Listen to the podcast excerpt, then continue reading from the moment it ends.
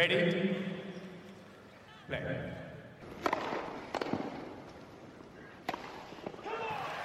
Merhabalar, Raket Servis hoş geldiniz. Yılı kapatıyoruz ama turnuvalar devam ediyor. Bitmeyen tenis sezonu. Bir yerde bitmesi lazım dedik ve kapatalım artık dedik. Artık e, biten bitti ya. ATP falan bitti, WTA'de hala birileri Challenger oynuyor. Son e, uğraşlar, Avustralya açık öncesi katılmaya çalışanlar. Hoş geldiniz efendim. Klasikleşen sezon ödülleri gecemize. E, Şimdi birden Assolis çıkacakmış gibi konuştum ama e, ödül dağıtacağız. 9 kategorimiz var. 9 kadın, 9 erkek toplam 18. E, biz Anıl'la ikimiz dağıtıyoruz biliyorsunuz. Bir de siz de ankete katılabiliyorsunuz Kahoot'ta. Çok değişik bir sene oldu. Zaten normalde de bunu konuşuyoruz ama e, sanki Djokovic Avustralya'da e, yargıcın karşısına çıkalı bir 6 ve 7 sene geçmiş gibi hissediyorum. Ne diyorsun? Ya ben bu benzer hissiyatı şeyde de yaşamıştım. Covid öncesinde de böyle bir konuştuğumuzda Avustralya yangınları vesaireden bahsediyorduk ve sanki üzerinden 7 yıl geçmiş gibiydi. Bu sefer de o kadar yoğun bir dönem geçti ki o kadar çok yine kort dışı da e, olay oldu ki e, gerçekten böyle artık takip edemez olduk neler gidiyor ve konular böyle hızlı yani çok yeni konular hızlıca eskimeye başlıyor. Hani orada da bizim arada atladığımız, e, unuttuğumuz noktalar varsa chatten hemen bizi dürtün onu da e, yorumlayalım, konuşalım.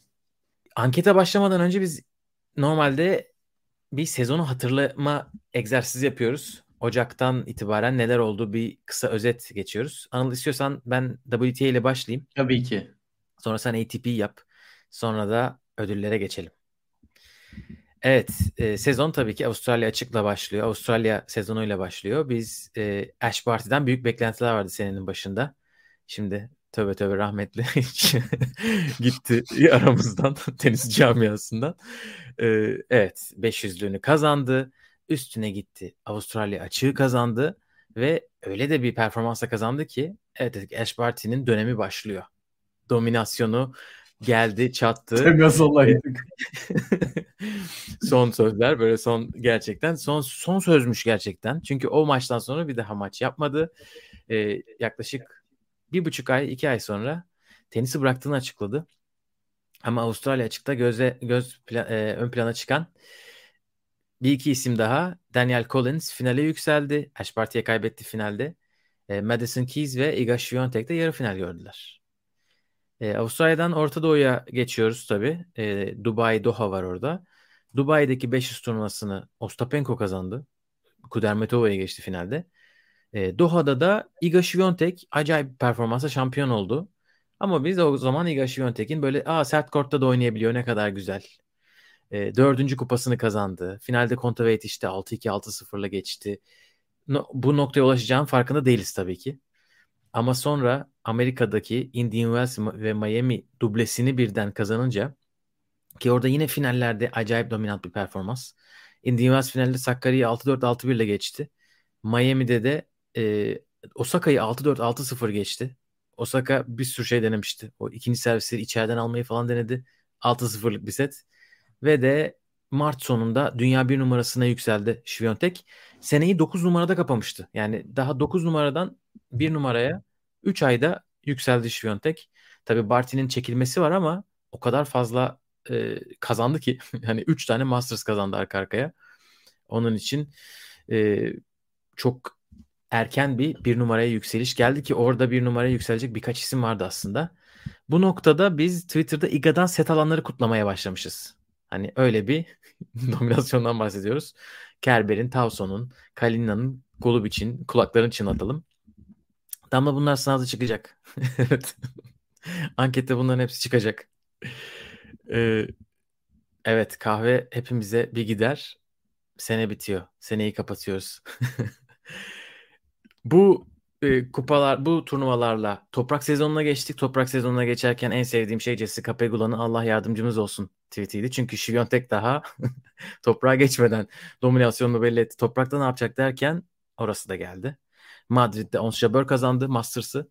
Roma'da Świątek kazandı. Roland Garros'ta çok rahat bir şekilde Świątek ikinci Grand Slam şampiyonluğunu elde etti. E, Zhang Qinwen onu biraz zorladı orada. Bir set aldı ama e, onu başka kimse o kadar zorlayamadı. Galibiyet serisi 35'e çıktı. E, Venus Williams'ı eşitledi orada. E, finalde Coco Gauff'u geçti. Coco Gauff da bayağı e, 2004 Wimbledon'dan beri en genç finalist. E, Kasatkina ve Trevisan da yarı final gördü. Onları unutmuş olabilirsiniz. Sonra derken çime geçtik. Çim'de Haddad Maya acayip işler yaptı. İki tane 250 kazandı arka arkaya. E, ama çim sezonunun herhalde ilk duyduğumuz damga vuran haber Rusların ve Belarusların Wimbledon'a katılamayacağıydı. Ki bununla alakalı bugün WTA'dan sonra ATP'den de bir haber gelmiş. 1 milyon dolarlık bir ceza e, vermişler İngiliz Tenis Federasyonu'na, LTA'ye. E, bu ceza tabii şu anda itiraz edilecek ama e, şu anda hala onun yankıları sürüyor. E, Ruslar katılamadı ama doğma büyüme Rus Yelena Rybakina Wimbledon'da şampiyon oldu. Finalde de Jabber'ı geçti. Onun da kayınpederi Rusmuş. Böyle de e, bir gol oldu Wimbledon organizatörlerine. Halep ve Tatiana Maria yarı finale yükseldi. E, bunların öncesinde zaten ilk hikaye Wimbledon'da kadınlar tarafında Serena Williams'ın dönüşüydü. Serena döndü. İlk set, ilk maçta kaybetti ilk turda ama bayağı savaştı. Hani 12 aydır oynamayan bir insan için biz şaşırdık. Świątek sonunda yenildi Wimbledon'da. E, kime kaybetti? Alize Cornet'e kaybetti. Derken Amerika sert korta yavaştan geçtik. Rybakina'nın slam şampiyonluğuyla. Kanada'da Halep kazandı binliği. Cincinnati'de elemelerden gelen Garcia kazandı. Amerika açıkta da Amerika açığa kadınlarda Serena'nın vedası damga vurdu. Serena orada zaten son turnuvalarım işte veda değil de ne diyordu? Evrim evrimleşiyorum mu diyordu. Adeta bir Pokemon'muş gibi. Ee, ama kendisi bildiğiniz artık emekli. İlginçtir ki Wikipedia'daki bu sene emekliliklerde Serena'nın adı gerçekten gözükmüyor. Serena'ya o kadar saygı duyuyorlar. ama artık dönmez diye düşünüyoruz. Orada Serena veda etti. Bir değil, iki değil, üçüncü turda beklenmedik şekilde maçlar kazandı. Hatta dünya iki numarası Kontaveit yendi. Şampiyon tanıdık bir isim Şiyontek sert kortta yine oradan çıktı ve de Jabber'ı finalde geçti. Sonra yavaştan senenin sonuna geldik. Burada ilginç bir haber. Halep'in doping testi haberi e, pozitif çıktı ve Halep zaten seneyi kapadığını açıklamıştı. Ama ondan sonra bir de asıl biz kapatıyoruz seni seneni dediler. WTA finallerinde Garcia kazandı. Sabalenka acayip bir şekilde oynadı ve Świątek'i eledi finale çıktı derken Garcia da en son büyük şampiyonlukla seneyi kapadı diye böyle şipşak bir özetle geçebilirim WTA sezonunu. Evet. Nefesim bir nefeste anlattığım WTA sezonundan umarım ankette faydalanabilirsiniz. evet. Şey kopya veriyor gibi e, oldu böyle bir anlamda da. Bakın bunları soracağız e, birazdan. Ankette bunlar çıkacak. Bildiğin evet. yönlendirmişizdir biz. Kim seçmenin konusunda. o zaman ben de e, şeye geçeyim mi? Ufak ufak ATP'ye. Aynen. Gerçi tura gelmeden önce tabii ki özeti geçerken seneyi e, yeni yılı böyle ATP Cup'la açsak da esasında yılın ilk olayı e, Djokovic'in Avustralya'ya alınıp alınmaması ile başladı. E, son derece mistik bir dönemdi. Vizesi var mı yok mu? ATP Cup'a gelmiyor ama Avustralya'ya gelecek. Uçağa binecek mi binmeyecek mi derken Instagram'dan o tarihi fotoğrafı paylaşıp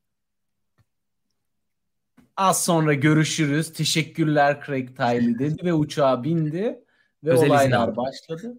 Ve böyle, böyle bir, tenis çantasıyla, bavullarıyla filan poz verdi.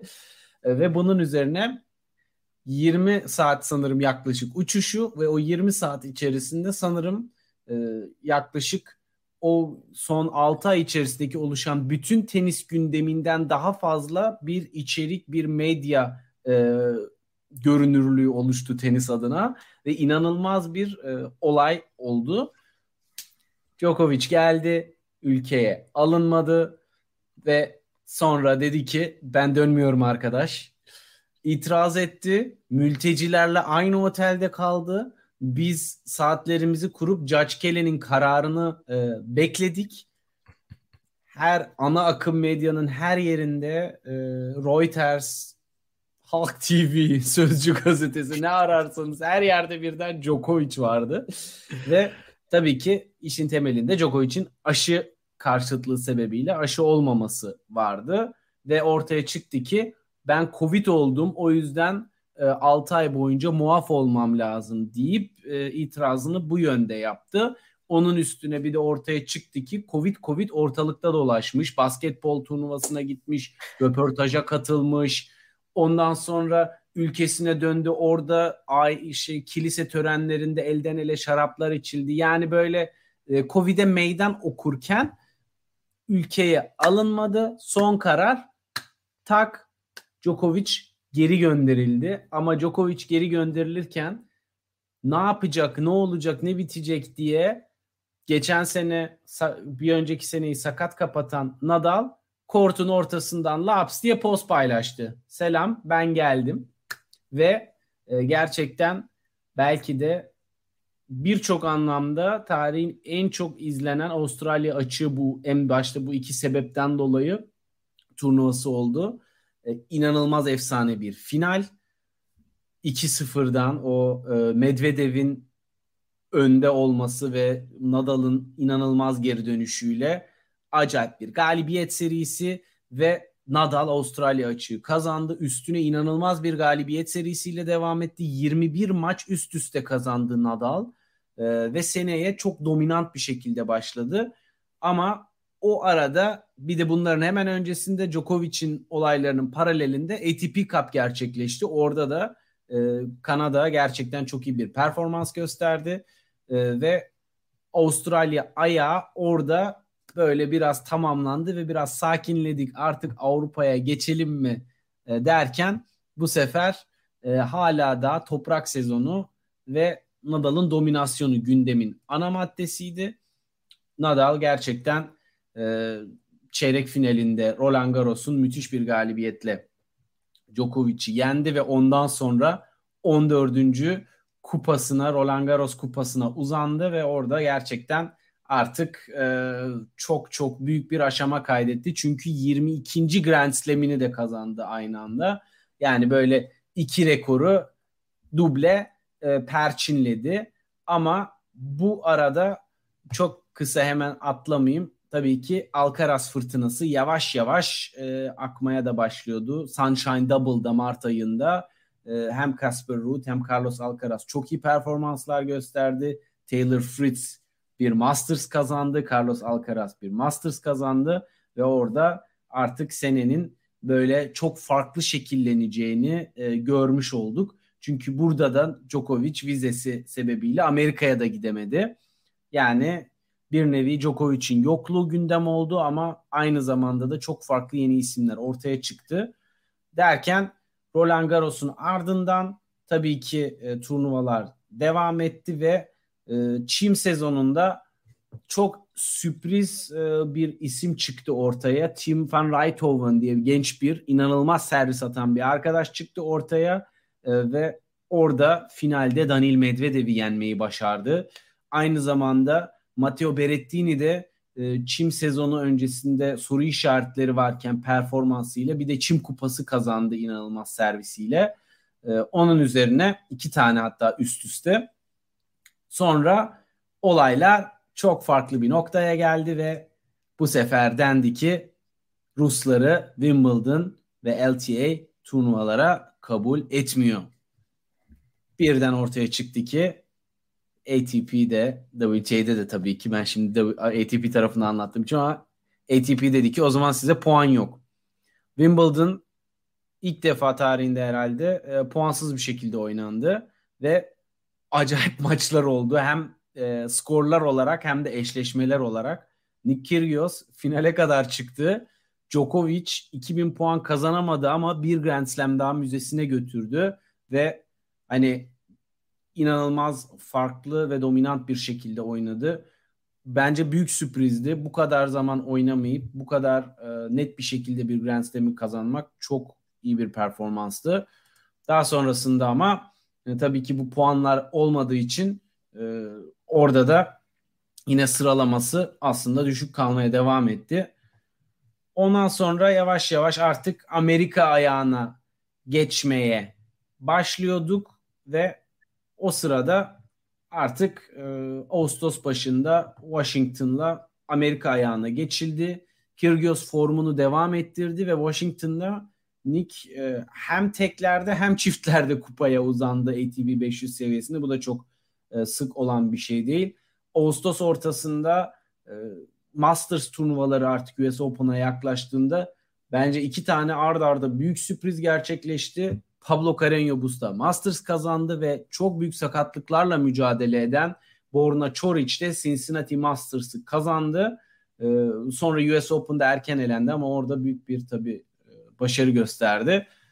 Ama tabii dananın kuyruğunun koptuğu yer öncesi büyük bir e, orada tartışma çıktı. Çünkü US Open'da Djokovic'in puanlarının olmaması ve aynı zamanda e, genç isimlerin çok turnuvaya katılması US Open'da birçok isim Tsitsipas, Alcaraz, Ruud, Nadal dördü birden e, bir numara olma adayıydı ve turnuvada sonun bittiğinde kim bir numara olacak tartışması tabii ki herkesi merakla bekliyordu.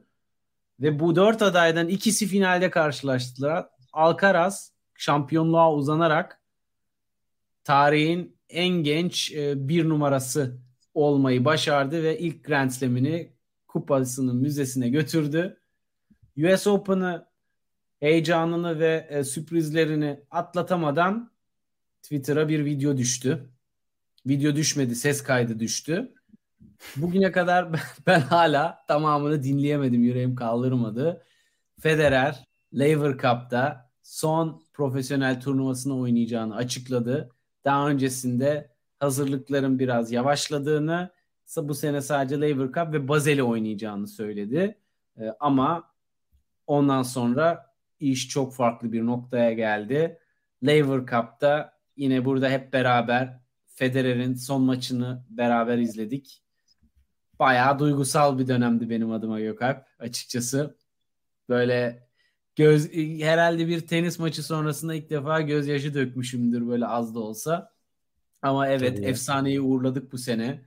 Kendisi gösteri maçlarına geri dönecek. Japonya'ya gitti. Ee, çok ufak bir gösteri yaptı orada. Ama iş dünyasında da maşallah harıl harıl çalışıyor. Derken Grand Slam'leri bitirdik ama sürprizler gelmeye devam etti. Eski kurtlardan kim kaldı dercesine e, Bazel'de Federer'in yokluğunda yine de e, çok iyi maçlar oynandı. Federer Bazel'e seyirci olarak da katılmadı bu arada. Duygusal olarak buna henüz hazır değilim veda etmeye diyerekten. Onun tabii yani o ayrı bir konu olur Federer ve e, Basel turnuvası. E, ama Stan, Stan Wawrinka Casper Ruud'u iki numarayı yenmeyi başardı eski veteranlardan. O da Roland Garros sonrası böyle artık bu benim son geri dönüşüm minvalinde yazı yazmıştı ve burada hakikaten seviyesinin ne kadar iyi olduğunu gösterdi. Sonrasında da Holger Rune'den set aldı Paris Masters'ta. Aynı zamanda Dominic Thiem de çok iyi maçlar oynadı. Challenger'da üst üste bir sürü mağlubiyetle dayak yiye yiye geldi. Burada Tommy Paul'u çok iyi bir maç sonucu Viyana'da yenmişti sanırım. Ama burada e, o da çıkışını sürdürdü. Böyle 2023'e 2016'ya geri dönüş tadında böyle bir sonla dokunacağız derken önce Paris Masters'ta Djokovic'i finalde Holger Rune yendi. Büyük bir sürpriz sonucu ve Djokovic gerçekten iyi oynadığı maçta Rune yendi.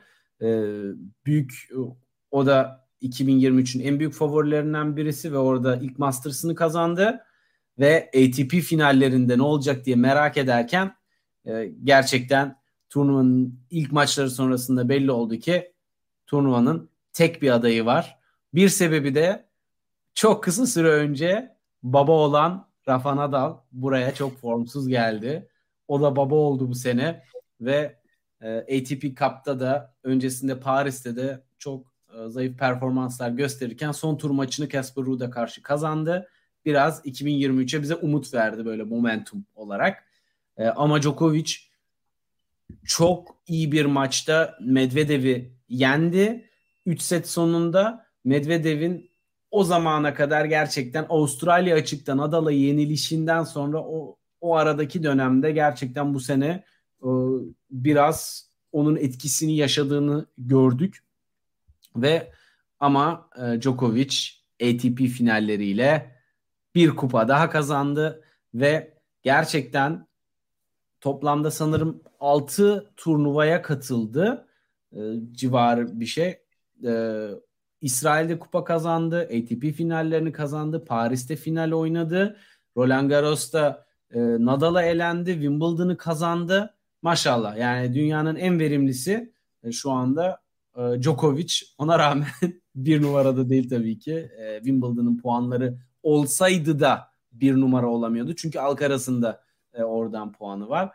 Ama seneyi Djokovic'in kupasıyla kapamış olduk. Tarihin en genç seneyi bir numara kapatan oyuncusu da bu turnuvanın sonunda Carlos Alcaraz oldu. Sakatlığı sebebiyle ATP finallerine katılamasa da böyle de bir e, birçok yeni bir numaramızın oldu ve büyük üçlünün gerçekten büyük ikiliye düştüğü ve onların da tahtının artık zangır zangır sallandığı bir seneyi bitirdik. Ağzına sağlık. ATP'yi de böylece üstünden geçmiş olduk. George yorumunu yansıtmak için bitmesini bekledim. Gerçekten Avrupa çok zor durumda. Gördüğünüz gibi Anıl evde polarla oturuyor. ben güneşleneceğim birazdan. ee, yok burada da hava soğuk.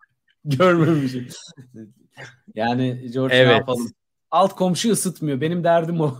Biz ısıtıyoruz. Alttan soğuk geliyor.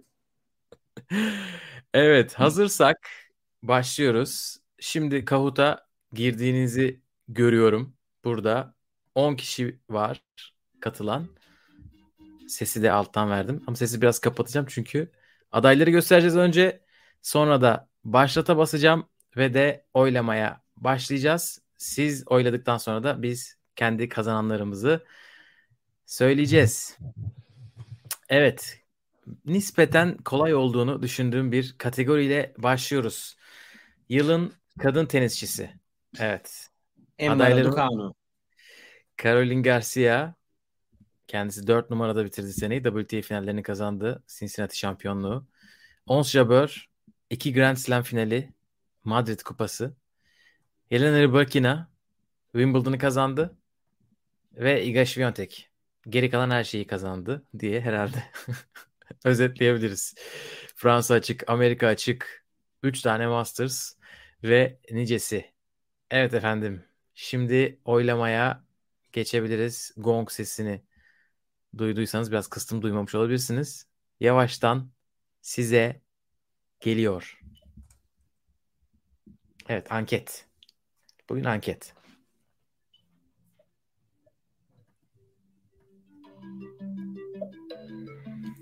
Tık daha açabilirsin sesi Gökalp. Garcia, Jabeur, Rybakina, Świątek,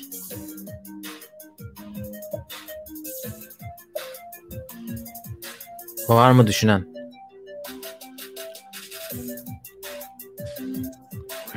Kolay dedin herkesi ters köşe oldun. evet 10 kişi Şviyontek, 1 kişi Jabeur demiş. Şviyontek seçtiniz.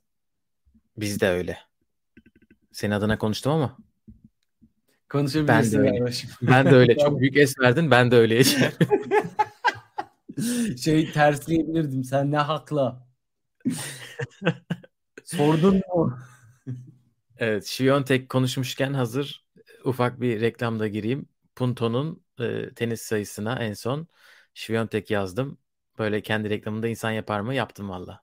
Hap e, gibi bilgi gerçekten okudum ve Şiyontek'i tanıma, tanımadığınız background'uyla beraber detayları da Video kaybın detayları olan e, dikkatini de orada hemen e, görebilirsiniz. Her yerde bulamayacağınız bilgiler deyip ben de reklamı perçinleyeyim. Sağ ol, sağ ol. Teşekkür ederim. Utandırdın.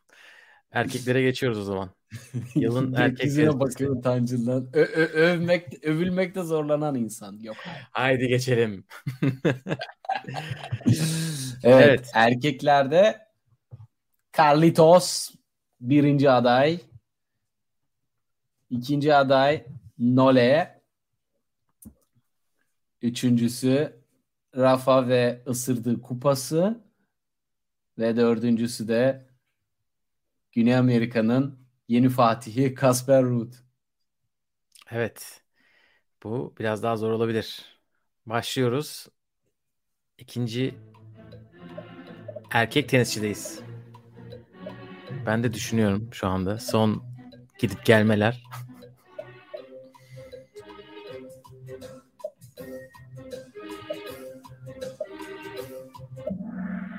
Yok daha kısa sürdü. Evet. Daha net geldi cevaplar. 6 Nadal, 3 Alcaraz, 2 Djokovic, 1 Ruud. Burada anket Nadal'ı seçti. Çok ben iyi de be. Nadal'ı seçiyorum. 2 Grand Yani Slam ben bu ben yaşta. Ee, ve üstüne o sakatlıklara rağmen Wimbledon yarı finali falan derken ben de Rafael Nadal diyorum. Carlos Alcaraz'ı çok seviyoruz yani ama ben Nadal diyorum bu sene için. Ben Carlitos diyorum. Ya aslında yeküne baktığın zaman Nole'nin yaptıkları bence inanılmaz. Çünkü bu kadar az maç pratiğiyle bu kadar dominant turnuvalar oynamak efsane yani başka kim yapabilir çok zorlanıyorum. Federer'in e, sakatlık sonrası dönüşü gibi benzeri bir durum. Onun Ama, en verimli e, kategorisine. Evet. Aşı karşıtlığıyla biraz eksi puan alıyor benden. Genel olarak hani paket olarak değerlendirince. Ben Carlitos diyorum. Acayip bir momentumla, inanılmaz bir e, inançla e, ve hiç dikkatini kaybetmeden bu kadar hızlı bir yükseliş ve istikrarlı yükseliş benim için bu sene Carlitos'un senesiydi. Senenin ben yani sen senenin birinci yarısını ben ikinci yarısını değerlendirmiş oldum böylece. Ortaya karışık. Evet. Gerçi o her yerde şey yaptı ama ben galiba Grand Slam'lere biraz daha ağırlık verdiğim için Nadal ağırlık bastı. Bas. Evet, en çok gelişme gelişim gösteren kadın tenisçi Linda Fruhvirtova ile başlıyoruz adaylarımıza. Kendisi 17 yaşında olması lazım. Yanlış hatırlamıyorsam. Bir WTA kupası kazandı bu sene ve 279 numaradan 77'ye yükseldi sene bitiriş sıralamalarında. Beatrice Haddad Maia e, geçen seneyi 83'te bitirmişti. Bu sene WTA şampiyonlukları e, onun, üstüne Kanada Masters'ta final derken 15 numarada bitirdi. 83'ten 15'e yükseldi. Yulia Niemeyer o da 133 numaradan 67'ye yükseldi. İlk 40'a girecekti büyük ihtimalle ama Wimbledon çeyrek finalinin puanları sayılmadığı için sıralamada o kadar dramatik bir değişiklik görmüyoruz. Ve son olarak da Zhang Qinwen o da bu sene Grand Slam'lerde özellikle çok iyi oynayıp e, ilk WTA finaline Tokyo'da yükselip 126'dan 24'e yükseldi. Burası da biraz zorlu bir kategori. Yavaştan oylarınıza geçelim.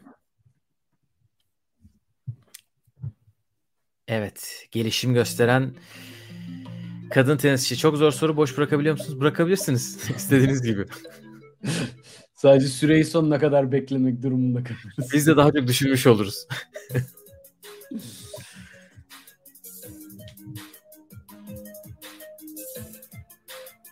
Vallahi ben de iki isim arasındayım.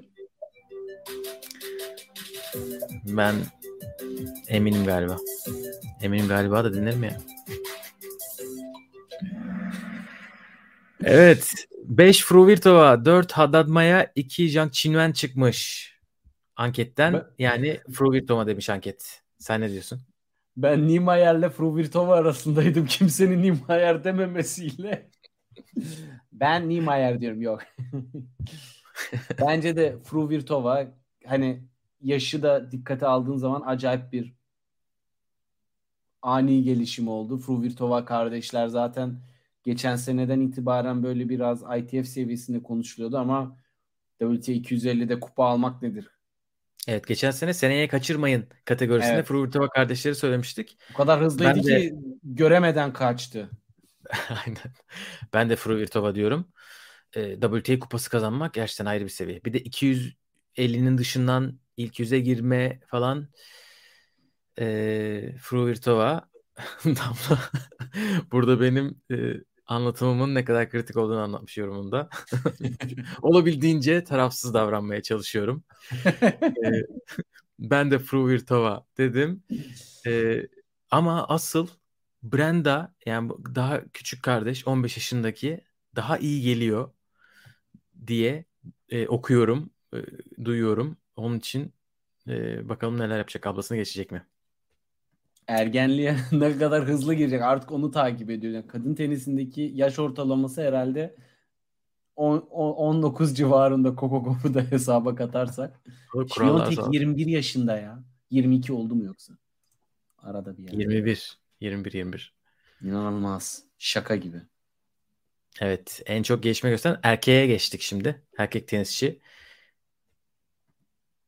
Evet. Carlos Alcaraz burada da evet. kendine yer buldu. Carlitos. Genç arkadaş. Müthiş, müthiş fotoğraflar. Brandon Nakashima. Hangisi acaba? Ma- mahallenin mobbinge uğrayan çocuğundan Next Gen finalini kazanmaya giden yol. Holger Rune selfie çeken çocuktan kupa kaldıran çocuğa evrim ve TFO başarıya açım dercesini tuttuğu etlerden gerçekten çok iyi bir e, sezona ilerledi. Artık resimler konuşuyor bence. Performansı evet. boş en iyi resim oynayalım. Etkilememek için sadece resim üzerinden. evet. Erkeklerde en iyi gelişim gösterene ne diyeceksiniz bakalım bekliyoruz.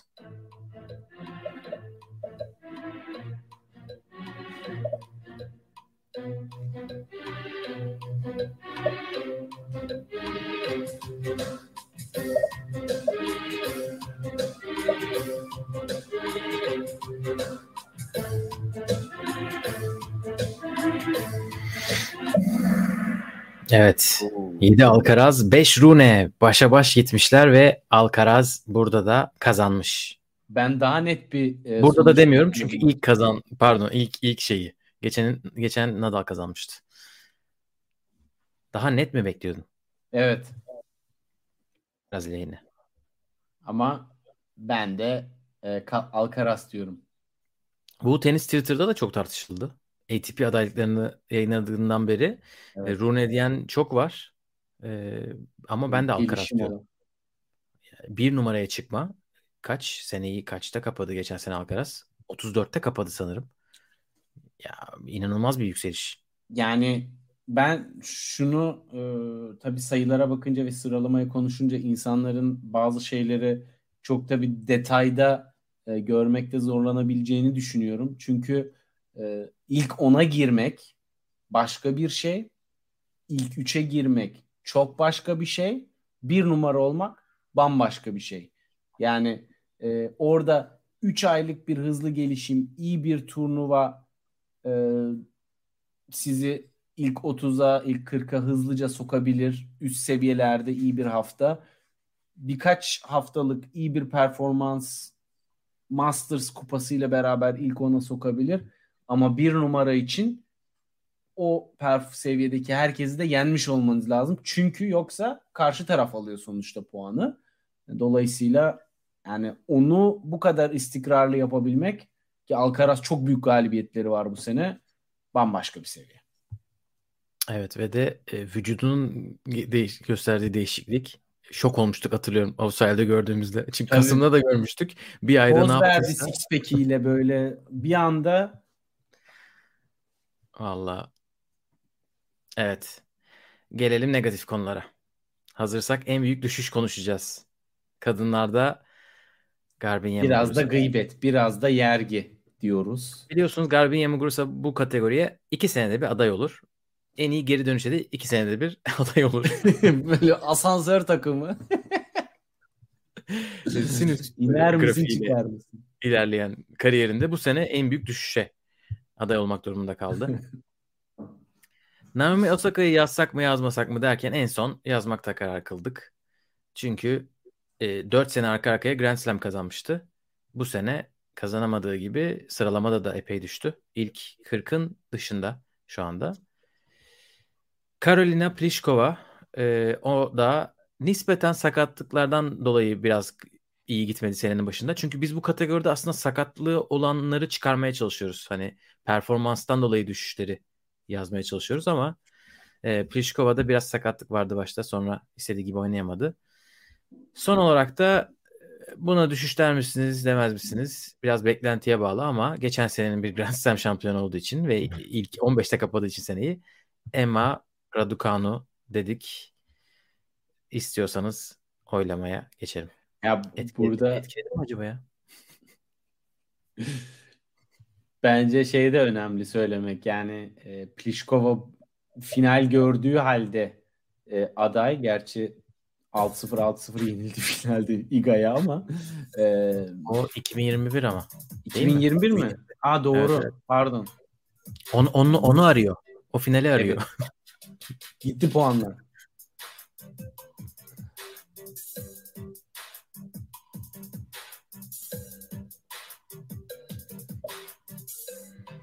Neyse ki tenis takipçileri futbolcular kadar fanatik değil de bu düşüşlere mesela Cristiano Ronaldo'yu yazsak kıyamet kopabilirdi.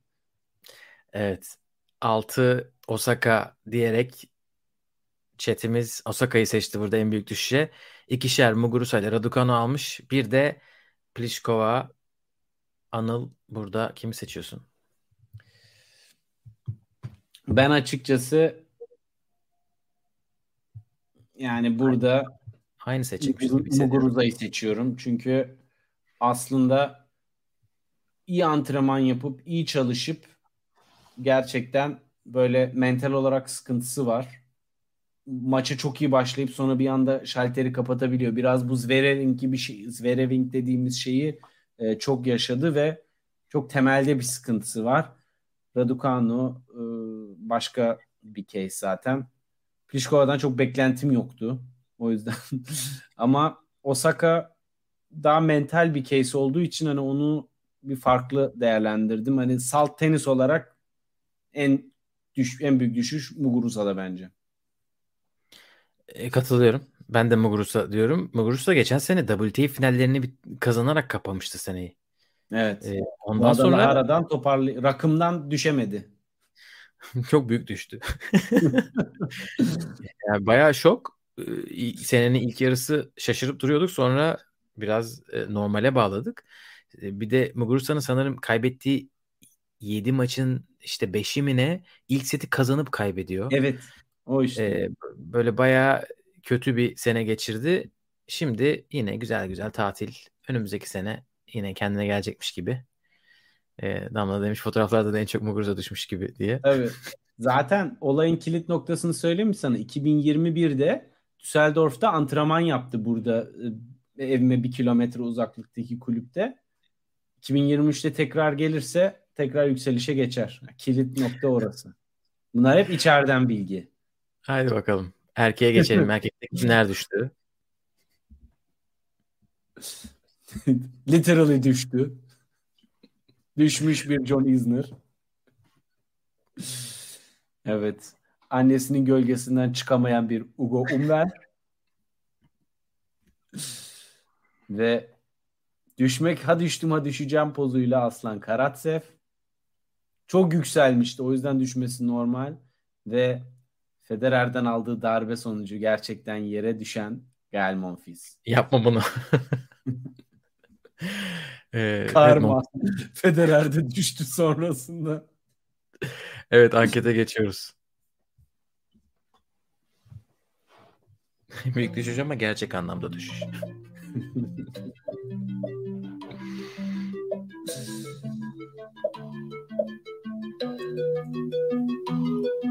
Fotoğrafın teması da sanıyorum ki Gökalp sonbaharı yani yaprağın düşmesini e, simgeliyor. Evet burada Karatsev çok net çıkmış 8. Monfils 2. Ee, anket Karatsev diyor. Sen kim diyorsun? Ben Isner diyorum. Ben de Hugo Amber diyorum. o zaman Let's E, bu agree biraz beklentiyle disagree. alakalı galiba. Sen daha demin dedin ya beklentim Evet. yoktu zaten. Benim Karatsev'den beklentim yoktu bu sene sanırım. Evet, benim de yoktu. Onun böyle bir sürpriz bir performans olduğunu, o oyunun sürdürülebilirliğini çok görmüyordum.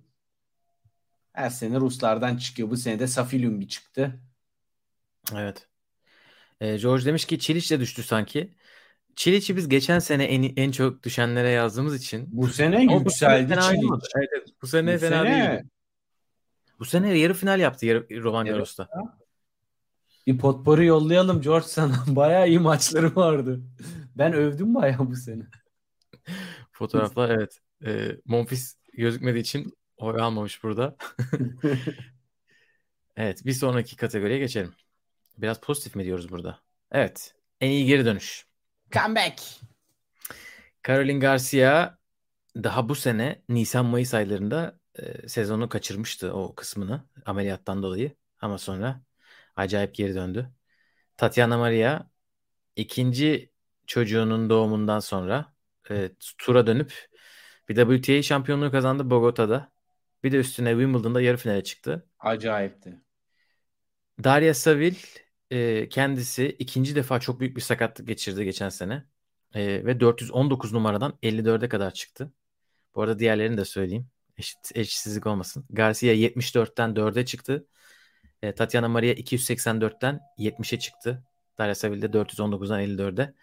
Son adayda Martina Trevisan. Trevisan aslında iki sene önce çok iyi bir sezon geçirmişti. Geçen sene düştü. Derken bu sene ilk WTA şampiyonluğu ve 112'den 28'e çıktı. Yine Roland Garros yarı finali var onun da. Bu sene. Böyle ortaya karışık geri dönüşlerimiz kolay gelsin. Tabii diyoruz. Tatiana Maria'da sıralama bilgisini verirken Wimbledon'da sayılmayan puanları da belirtmek lazım. Doğru. Evet 284'ten belki de 20 olacaktı.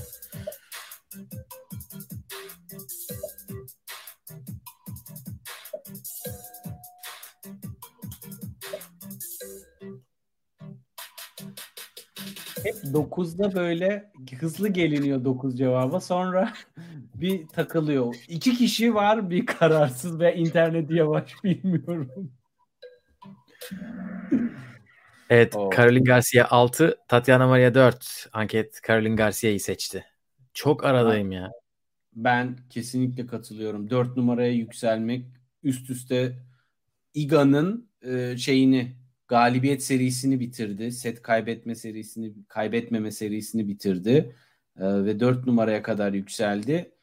Üst üste iyi turnuvalar oynadı ve büyük maçlar kazandı.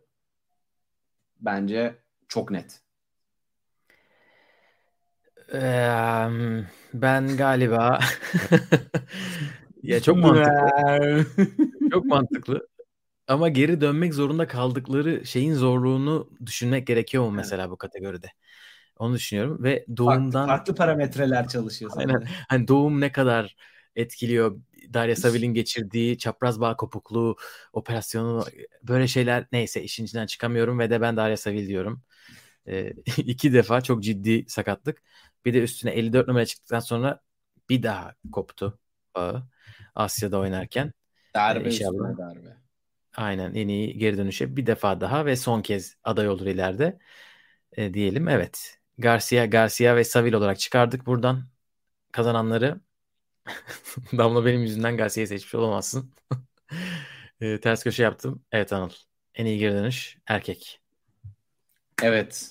Burada omuz sakatlığı görebildiğiniz üzere yaşayan Borna Çoric Ya burada çarşıya çıkmış gibi ya Çoric. ve gerçekten bir yılan gibi aralardan sıyrılan Kokinakis sağ bileğinde forehand vurmakta hala e, toparlamasına devam eden ama çok iyi maçlar sene sonuna doğru çıkaran Dominic Thiem Yunuslardan ayırdığı vakti bileğine ayırdı. Ve Wu Yibing son olarak da en iyi geri dönüş. Evet. Ankete geçiyoruz.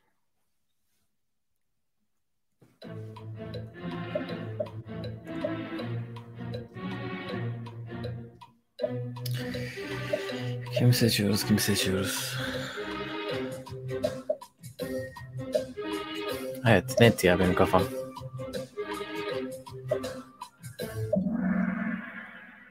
Evet Çoric kazanmış burayı 6 oyla. 3'er oyda Kokinakis ve Team'e gitmiş. Sadece bu Yibing dediğin için de gariban Yibing. Mi? ben benim suçum. ya şeyi biraz zorlandım. Şimdi Seul de patlama yaptı tekrardan. Ama Seul benim gözümde biraz böyle hafif yarım asterix'li bir turnuva katılımcılardan dolayı da. Ya benim Ama- böyle dediğine bakma ben de onu seçmeyeceğim. Ama kendisi 1000 numaradan 90 numaraya falan yükseldi sanırım bu sene. Ya da 120 yemine yükseldi. Ama ben Çoric diyorum. Çarşıya çıkan Çoric kardeşimi seçiyorum. Evet gerçekten Çoric epey senedir uğraşıyor. Ee, zaten onun da kronik sakatlıkları var. 2018'den beri debeleniyor ve Masters kupası kazandı. Bence de ayrı bir seviye. Fiziği kaldırsaydı o maç temposunu US Open'da da ilerleyebilirdi. Bence sadece o yükselişin başlangıcı bir tık erken olduğu için en tepe turnuvaya denk gelmedi. Avustralya'da ne yapacak merak ediyorum. Evet. Gönül isterdi ki Allah team diyelim. Team'i çok bekledik. Geri Evet. dönsün diye. Ama Team yavaş çok yavaş, uğraşıyor. yavaş Ha, yavaş evet geliyor. daha daha geri dön ama tabii team'in tepe tavan noktası Slam kupası olduğu için hani orada geri dönmesi gereken yer biraz daha farklı. Team'in tavanı sert kortta Djokovic ve Nadal'ı yenmek falan olduğu için o Evet. forehandle bekliyoruz. Evet en büyük sürpriz.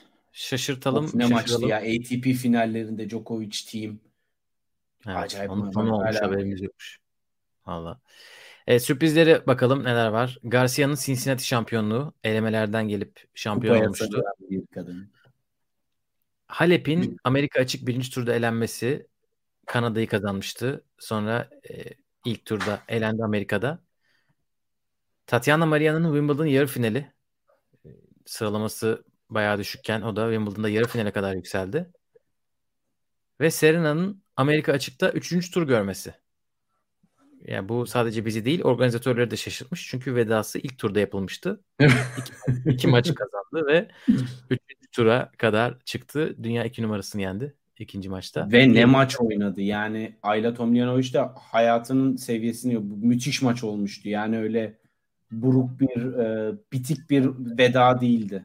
Ki sonrasında insanlar zaten yayını izleyince bence çok net ortaya çıkıyor ama böyle hafif bir yerden yakalayıp bırakmayacak mı aslında Serena gibisinden bir spekülasyona da insanlar aa demek ki bırakmamış diyebiliyor. Yani öyle ikna edici bir oyunu vardı ki zaten aslında niye bırakıyor gibi bir seviyedeydi.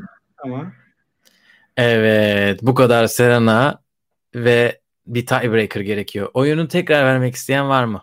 Tatiana Maria 5, Serena Aynen. 5, chatte karar değiştirenleri bekliyoruz. Halep, değiştiriyormuş sayamıyoruz. Halep 3. Evet eğer karar değiştiren yoksa 2 kazanan birden Tatiana Maria yarı finali ve Serena'nın 3. turu Amerika açıkta. Peteğin tepkisi çok haklı. Burada Evet. gerçekten Amerika açıkta gerçekten hepimizin fantezi liginin ben, içine ben etti. bu kadar haklı bir oy görmedim hayatımda.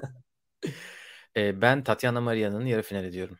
Wimbledon'da yarı final e, m- nasıl bir şey? Çok şaşırtıcı. Kesinlikle. Katılıyorum. Sen de Tatiana Maria mı diyorsun? e, çünkü hani Tatiana Maria'nın yani bu kadar hızlı bir zeminde aslında e, en büyük zorlanması gerekiyor. Mesela Serena e, şeyden doğumdan geri döndüğü zaman Wimbledon finaline yükseldiğinde en çok zorlandığı şey tabii o yoğun doğum döneminin ardından hareket hareketinin kabiliyetin azalmasıydı ve Kerber öyle yenmişti finalde zaten e, yüksek tempoyla. Tatiana Maria'nın bu kadar e, yüksek hızda bir turnuvada böyle bir sürpriz yapabilmesi bence çok büyük e, sürpriz. Evet. Bir de şimdi çok iyi oynayan isimleri geçmiş. Niemeyer, Ostapenko, Sakkari, Kristeya ve Sharma. Bayağı Bam iyi. bam bam. Jabeur kaybetmişti. Evet erkeklere geçelim. Jabeur be. O da gerçekten bu senenin kocaman kalp. Evet. Carlitos'un US Open'ı kazanması. Andrei Rublev'in genel olarak istikrarlı bir e, sene geçirmesi ve tavanını çok yükseltmesi. Holger Rune'nin finalde Novak Djokovic'i Paris Masters'ta yenmesi ve Stan Wawrinka'nın senenin e, son turnuvalarından birinde Basel'de Casper Ruud'u e, yenmeyi başarması. Evet. Gelelim erkek sürpriz adaylarına. Evet, söz sizde. Alcaraz Amerika açık şampiyonluğu, Rublev'in sezonu, Rune'nin Paris performansı ve Wawrinka'nın sezon sonundaki Ruud galibiyeti.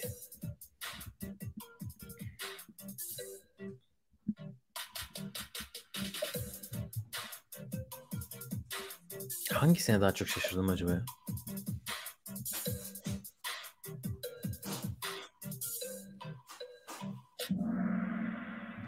Evet, Holger Rune net çıkmış buradan 8 oy. E, Alcaraz 3, Rublev ve Wawrinka birer oy almışlar. E, ben katılıyorum. Beni de Kesinlikle. en çok şaşırtan Holger Rune'nin Paris şampiyonluğu oldu. Özellikle yendiği rakiplere dönüp baktığımız zaman.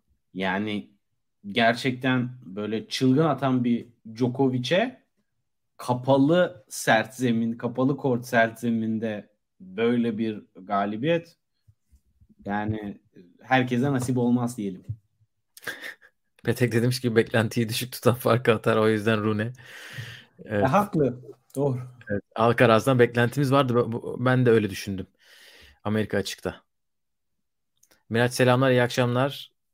Ee, bize katılabilirsin. Sanırım 3 kategorimiz kaldı. Oyluyoruz senenin enlerini. Evet, en iyi maç Kazanan kadınlarda. kaybeden yok. Korkma. Hayır, herkes kazanıyor bir tek işte. En çok düşüşü kazananlar kaybetti. Kadınlarda en iyi maçlar Osaka Anisimova Avustralya açık maçı hatırlarsanız acayip bir maçtı. Hepsine acayip maçtı diyeceğim. Kerber Yuan Strasbourg finali acayip Of, maçtı. Bu maç apacayipti. 7-6 Üç tiebreak. 7-6 mı ne öyle bitmişti zaten. Böyle Tamam. bir Ta kendisi. gebermişlerdi. Zaten sonrasında Roland Garros'ta ikisi de pert gelmişti. Ondan sonra orada da bir maç kazandı Kerber ve Evet. dedi ki "Al, yeter dedi ben çocuk yapmaya gidiyorum. Yani öyle bir iki maç serisi. Psikoloji bozuldu. Serena Tomljanovic Amerika açık 3. tur maçı. Mükemmel maçtı. Bence de. Çok iyi maçtı. Krejcikova, Świątek, Ostrava finali mükemmel maç. Mükemmel maçtı. Evet, bakalım sizi etkilemediysek ve hepsinde heyecan duyabildiysek kimi seçeceksiniz? Hatırladıklarınız varsa hatırlamadıklarınız. Hepsinin değişik ambiyansı vardı. Ostrava, Polonya, Çek, Serena'nın son maçı, Osaka Anisimova o da artık geçiyorum. Artık sözü size bırakıyorum. Buradan Bakalım kimi seçiyorsunuz?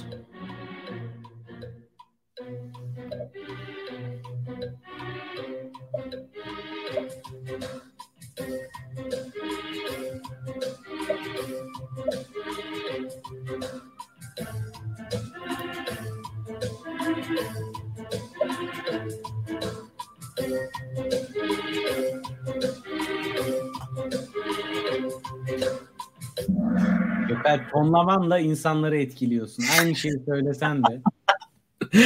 evet Damla yapmamaya çalıştım. İçten mükemmel demişim Osaka'ya. Evet Osaka ve Kerber maçları pardon Osaka ve Serena maçları dörde oy kalarak alarak konuşamıyorum artık. Ama bir saniye. diye hiç konuşamıyorum. Tiebreak'i e, bozan Rabia var. Tableti kızına kaptırmış. Ama, Ama Serena cevabı- maçına veriyor oyunu. Oh. Dolayısıyla rahat Evet. ettik.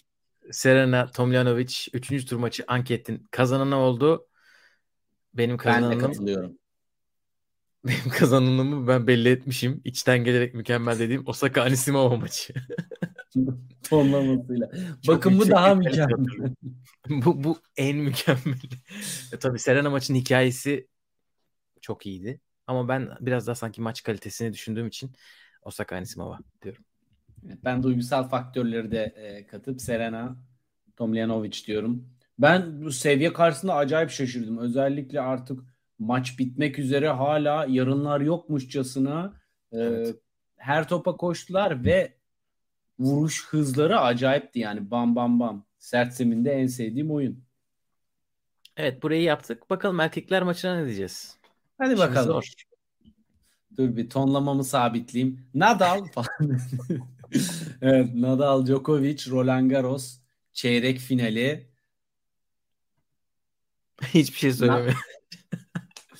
Nadal, Medvedev, Avustralya açık finali. Sanırım burada kendi başına o 3-2-0-40 e, resmini koymak daha doğru olurmuş. Gerçekten orada e, her şey dananın kuyruğu koptu. Alcaraz Sinner US Open çeyrek finali inanılmaz sert bir maçtı ve orada mental olarak diri olan Alcaraz maçtan çıktı.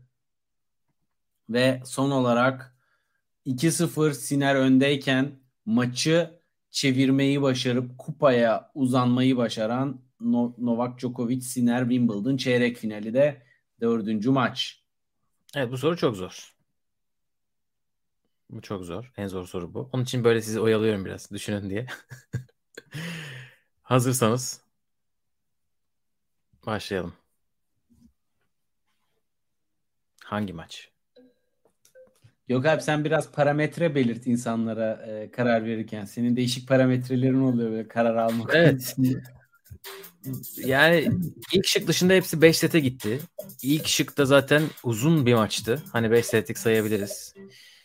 Ee, önemlerini düşünebiliriz. Hiçbir şeye gerek yokmuş zaten. Adam bu kadar. Adam Medvedev. Bu kadar net.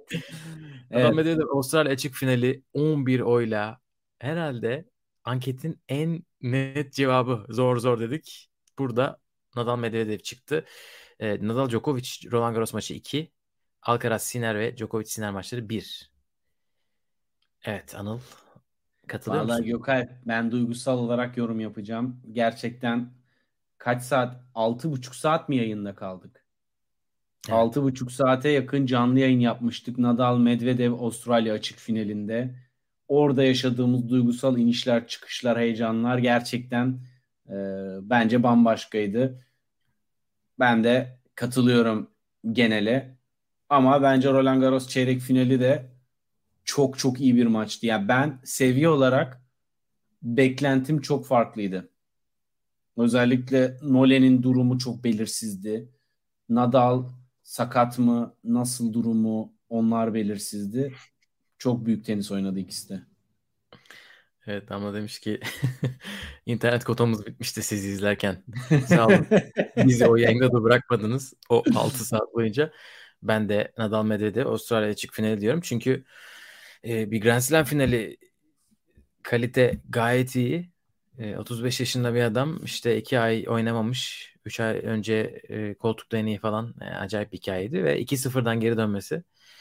Bir de beraber izledik. Herhalde onun da bir katkısı ol- olsun artık o kadar. Diğerleri o kadar değildi. E, ben de onu seçiyorum. Evet en kritik an kadınlarda ne? O an. Burada biraz tabii anları hatırlamaya çalışıyoruz. Yoksa hangisi daha önemliydi gibi çok zorlamamıza gerek yok ama Barty'nin tenisi. Ya burada bu bayağı zorlandık hani bu kısımda. Ee, Barty'nin tenisi bırakması. Şiyontek'in 37 maçlık serisi. Halep'e doping testi şoku. Cem Uzan'a hapis şoku. Ve Serena'nın tenisi bırakması. Bro, bro bence zor ya. Zor değil mi acaba? Bence net ya. Benim çok net. Halep.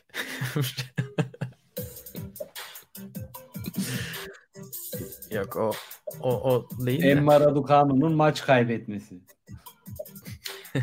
Kazanması mı demek istedim?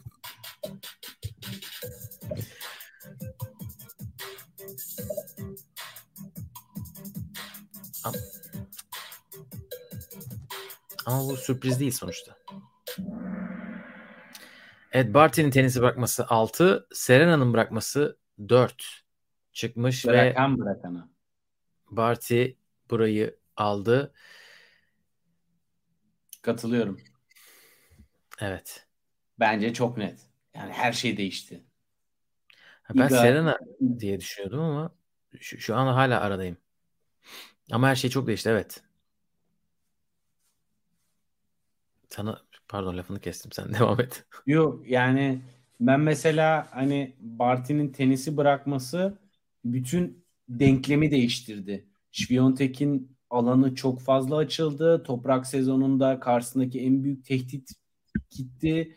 Bir rekabet kadınlar tenisinde bence uzun süre sonra bir ikili bir rekabet yaşayabileceğiz derken tek kişinin dominasyonuna e, geçildi. Ben Serena'nın turnuvalara katılım sayısı vesaireden dolayı e, ve yani oynadığı dönemlerde gösterdiği genel performanstan dolayı o kadar kritik olduğunu düşünmüyorum. Bilmiyorum duygusal olarak benim için Serena'nın tenisi bırakması da bir Federer'le aynı etki asla olmadı, olamaz yani. O yüzden de biraz daha işin rasyonel tarafına bakıyorum. Net bir şekilde burada. Evet. Ya Serena'nın bırakması belki daha büyük bir olay ama bu seneyi daha çok etkileyen Barty'nin tenisi bırakması oldu. Şimdi sen de öyle söyleyince katılıyorum. Çünkü bir de dedi ki beni sıralamadan çıkartın, puanlarımı alın, ortalığı karıştırın. İşte herkes seri başı olabilir. E, tam dedik dominant bir isim geldi. Sonra yerine birisi daha geldi. Ama ben de Daha- Barty'nin daha o- Pizza videosu kaç kere daha paylaşılacaktı o pizzayı dilimleme slice esprisiyle? Kaç kişi daha ekmek yiyecekti? Tenis Twitter'ına da büyük darbe vuruldu. Öyle deme. Ekmeklerimizi- götürdün şimdi kriket sahalarına. evet erkekler. En kritik an birincisi Lever Cup'taki bu dev veda Federer'in tenisi bırakması. Evet bu bir quiz değil ama spoiler geldi. Gelir. İkincisi Djokovic'in Avustralya'ya alınmaması, mülteci kampında takılması, Wimbledon'da puan verilmemesi ve son olarak da Zverev'in Nadal'la maçında sakatlanması. Nadal'la maçında hani olayı unutanlar için gerçekten Zverev'le inanılmaz korakor dişe diş bir maçtı. Acayip bir ilk set oynanıyordu ve e, bir anda kendi kendine düşerken bileği takıldı ve Zverev sezonu kapadı. Nadal'ın da e, en büyük o, o anda ilk elenebilir dediği noktada önünü açan maç oldu. Çünkü maçı yarıda bıraktı. Evet. O yüzden de Zverev'den hiç bahsetmedik. Zverev'i orada kestik kariyerinde 2022'de. Çok bahsedesim yok zaten. Evet. Buradan toprak tenisine gönderme yapıyorsun sanırım.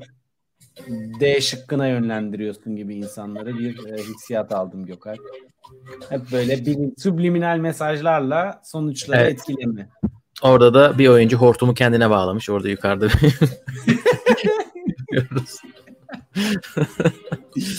Böyle oynatıyor. Sonra ne oylama. Aa. Evet. Federer'in tenisi bırakması 7 ile almış şampiyonluğu. Burada kazanmış en kritik anı. Djokovic'in Avustralya'ya alınmaması da 3 ile ikinci sırada. Ee, ben Federer diyeceğim bu sefer çünkü seni iyi etkiledi. Seni özetini hazırlarken baktım e, ATP'nin bir tweet'i var 26 Nisan'da. Federer Basel'de tenise dönüyor diye. Gözden bir yaşa. O biletleri dünya para verip alanlar. Alanlara, Sonra yok e, boğazına satmaya çalışanlar. alanlara Yiri Veseli izleme şoku. Mesela. Öyle değil mi? Aynı Yiri Veseli e, Djokovic'i yendi bu sene. Peki. Basel'de onu izler misin? Sen de Federer mi diyorsun? Ben de Federer diyorum. Yani Federer'in varlığı zaten tenis için en kritik andı bence. Bir devri açtı. Devri de kapadı. Yani o yüzden çok bambaşka. Evet gerçekten 2022 ne kadar olaylı bir sene oldu. Bunu da bu iki kategoride görmüş olduk. 2023'e biraz bakacağız şimdi. Seneye kaçırmayın. E, Kimler var burada? Biraz tanıtacağız. Artık e, tanıttığımız kadar mı oy çıkar? Yoksa siz e, zaten biliyoruz dersiniz. Oraya doğru gideriz. Evet kadınlarda kimler var? Sara Beylek. Bu arkadaş 16 yaşında.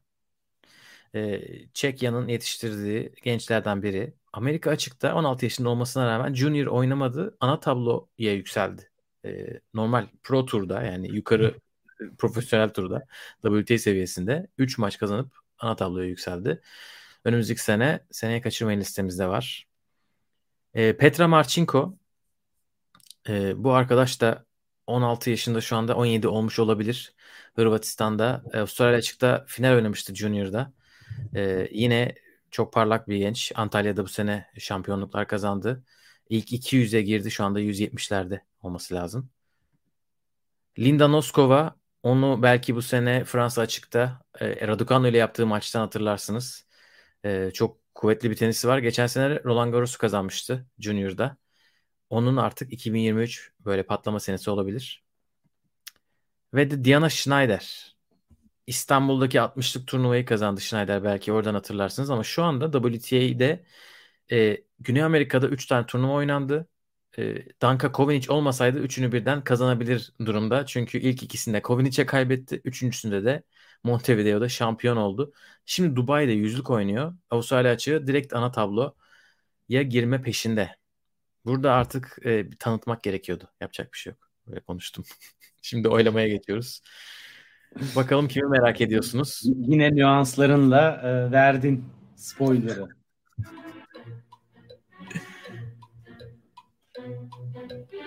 Alttan alta veriyorsun bir de bir şey anlatıyormuş gibi. Ben dimdirek söylüyorum. ha, burada tanıtmak gerekiyor. Yoksa bu kadar övgünün üzerine Diana Schneider demeyince insanlar kendini böyle bir kötü hissedebilir. Öyle mi diyorsun? Geçen sene çok Kozlov satmaya çalışıp sıfır oy almıştı Kozlov hatırlarsanız. Neye kaçırmayın. ya ya. Noskova 8, Beylek 5. Evet, anketin kazananı Linda Noskova oldu. Noskova'yı seneye takip ediyoruz. Raket servis ekibi olarak burada hep beraber chat nasıl? Takip etmeyenleri de tek tek sorguya çekeceğim. Edeceğim deyip etmeyenleri. Benim ben hepsini merak ediyorum. Onun için zaten kategorileri böyle yaptık. Ama en merak ettiğim Marchenko. Seneye nasıl bir performans sergileyecek gözümüz üzerinde. Sen Katılıyorum. Marchenko özellikle orta seviye oyunculara karşı çok rahat maçlar kazandı. Özellikle e, çeşitli turnuvalarda yani tek turnuvada değil. Do, dominasyon böyle bir ilk 100, ilk 50 e, bunlar gayet olası. Evet o zaman erkeklere geçelim. Evet. İngiliz Jack Draper e, gerçekten şu anda çok yüksek potansiyeli olduğu söyleniyor. Ve oyun çeşitliliği olarak da Andy Murray'den daha iyi deniyor hatta İngilizler tarafından. E, ikinci olarak Next Gen Finals'ı kazanan o demin yanağa sıkılan, ezilen e, sempatik çocuğun yerine geçen Brandon Nakashima. Üçüncü sırada Sebastian Baez. Gerçekten çok hızlı hareket ediyor kısa boyuna rağmen. Bayağı etkili bir tenisi var. Özellikle geri çizgiden ama fileye de geliyor. Dört İsviçre'nin yeni yıldız adayı Dominik Striker. O da Federer'in çok yatırım yaptığı, inandığı e, bir isim. Beraber çok çok da antrenman yaptılar. E, çok sert bir oyunu var. İstikrarı yakalarsa, hata sayısı azalırsa o da bir anda böyle patlama yapabilir. Özellikle servisleri öf. Ama Cem onu yendi. Cem onu 2021'de yenmiş olabilir ama bu sene değil. Evet. Bu sene ben de yok 2021'de evet. Challenger'da.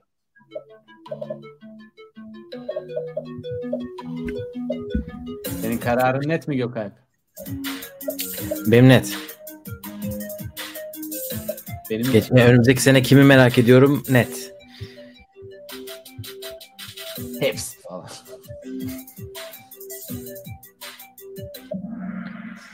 Evet, Oo. chat o kadar net değil. Çok yakın gitmiş. Nakashima 5 oyla almış burayı. Dörder oyda Draper ve Stricker'e gitmiş. Baez 2 oyda kalmış. Evet. Ee, George burada geçen sene ödüllerde bu soru var mıydı? Erkek kim çıkmıştı? Vardı. E, hatta Stricker vardı yine. Biz Stricker'i bu sene kaçırdıysanız önümüzdeki sene kaçırmayın dedik. Geçen sene Striker kazanmış olabilir. Ee, ondan önce de Serundolo, Korda, Muzetti, Alcaraz vardı mesela 2000'lerde. Evet. Her sene yapıyoruz böyle.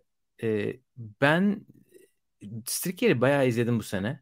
Ee, Draper da güzel işler yaptı. Bir Master'da çeyreğe yükseldi. Tsitsipas'a falan yenmiştik evet. Kanada'da galiba. Ben Draper'ı merak ediyorum. Ben de. Net. Draper çok iyi bir evrim yaşayacak bence bu sene. Nakashima'nın tavanının neresi çok yüksek olduğunu oyun stili olarak henüz düşünmüyorum. Yani daha oyununa çeşitlilik kazanması katması gerekiyor. Baez'in bence e, top 20 potansiyeli zaten var ama çok aşırı bir patlama böyle büyük bir sürpriz beklemiyorum. Evet. Draper'dan ama şaşırtıcı şeyler bekliyorum.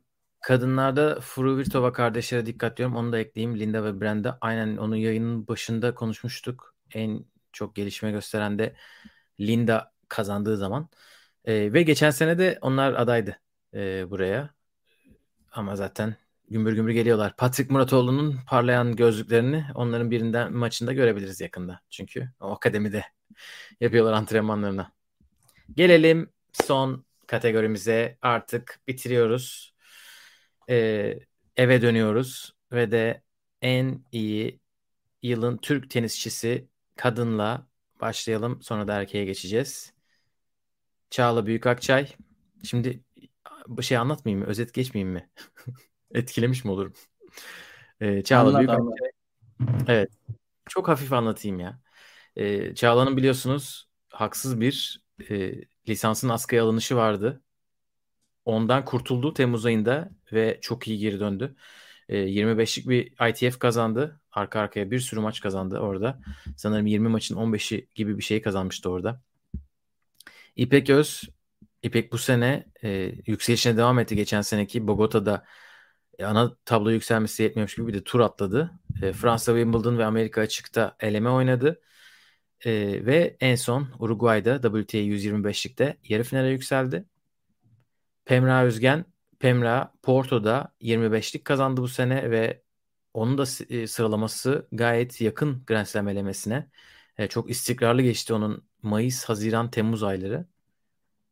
Ve Zeynep Sönmez, Zeynep de e, 25 seviyesinde ilk defa ITF'de bu sene turnuva kazandı İsviçre'de ve de o da kariyer sıralamasında şu anda ilk 350'de olması lazım. Evet ankete geçelim.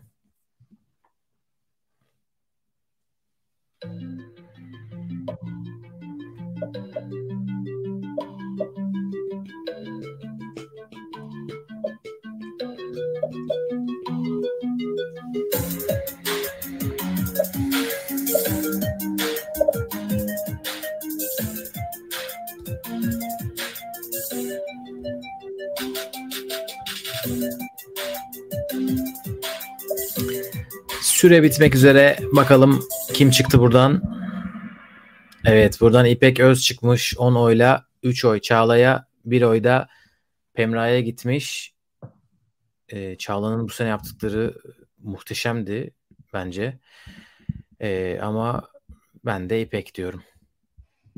Ben de katılıyorum. Yani Çağla 25K kazandı bu kadar uzun süre oynamadıktan sonra e, ve çok hızlı zamanda maç pratiğini kapadı, maç eksiğini kapadı.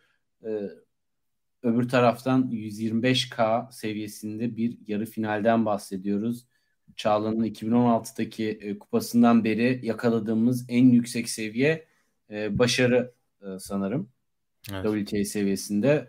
Dolayısıyla hani Güney Amerika'da olduğu için biraz saat dilimi olarak herkes yakalayamamış olabilir ama e, çok büyük bir başarı. Zaten sene sonu sıralamasında bir anda sıçrattı İpek'in. Ben de o yüzden İpek diyorum. Evet. Erkeklerle bitirelim. Evet. İberya Fatihi Altuğ Çelik Bilek. Burada Grand Slam'lerde çok iyi maçlar çıkaran elemelerde Cem. Koray İstanbul Challenger'da patlama yaşamıştı. Yarı finale çıktı. Şu anda da 622. sırada. ve istikrarlı bir şekilde Challenger seviyesinde e, üst turlara çıkan Ergi Kırkın. Evet. Gelelim son oylamamıza. Bakalım burada kim diyoruz?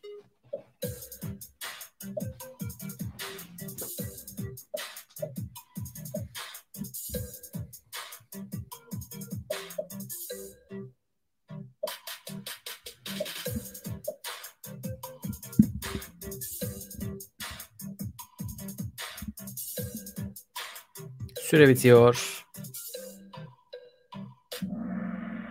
Burada Cem kazanmış 7 oyla yılın Türk erkek tenisçisini 6 oyla da çok yakın Altuğ takip ediyor. Geçen sene de oylar başa baş çıkmıştı sanırım. Zaten başa baş çıksın diye konuşulmuştu chatte. Öyle yakındı sezonları. Bu sene Cem'e gitmiş ödül. Evet gerçekten erkek tenisini beraber bence çok ciddi bir şekilde e, yukarı taşıdılar. Turnuvalarda beraber final oynayarak. E, özellikle Cem zaten çok talihsiz e, zamanlar geçirdi. Ama e, ben geri dönüşünü çok değerli görüyorum Cem'in.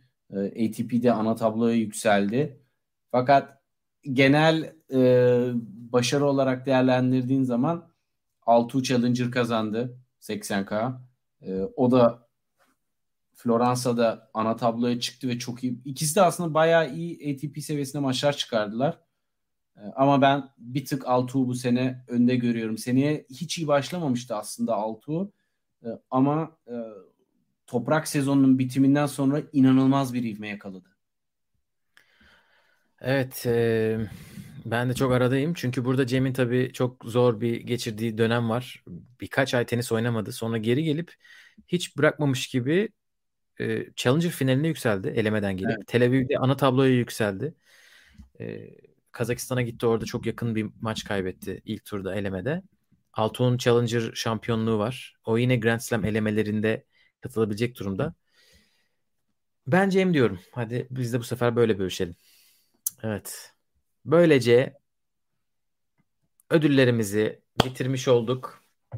18 ödül dile kolay. Hepsini dağıttık beraber. 2022'yi böyle kapatıyoruz. Çok teşekkürler katıldığınız için. Ee, artık sanırım 2022'nin son bölümüdür bu. Raket servisinde. Eğer böyle ekstra bir olay olmazsa çünkü maçta olmadığı için bu sezonu kapadık. Gerçekten çok ilginç bir sezon oldu. Bizim için de yılın en evet. uzun yayınını seçebilirdik. İlkler yaşadık. Canlı yayınlar. 2023'te de bekliyoruz. Var mı Anıl'la eklemek istediğim şey? Evet, yorumlarda hatırlatma geldi Esra tarafından. Ee, videoyu beğenmeyi unutmayın diye. Biz de buradan takip edelim, likelayalım, takipte kalalım. Çok teşekkür ediyoruz. Herkese çok güzel bir yeni yıl diliyoruz. Şimdiden 24 gün öncesinde. Kendinize iyi bakın. Bir sonraki bölümde görüşmek üzere. Hoşçakalın. Hoşçakalın.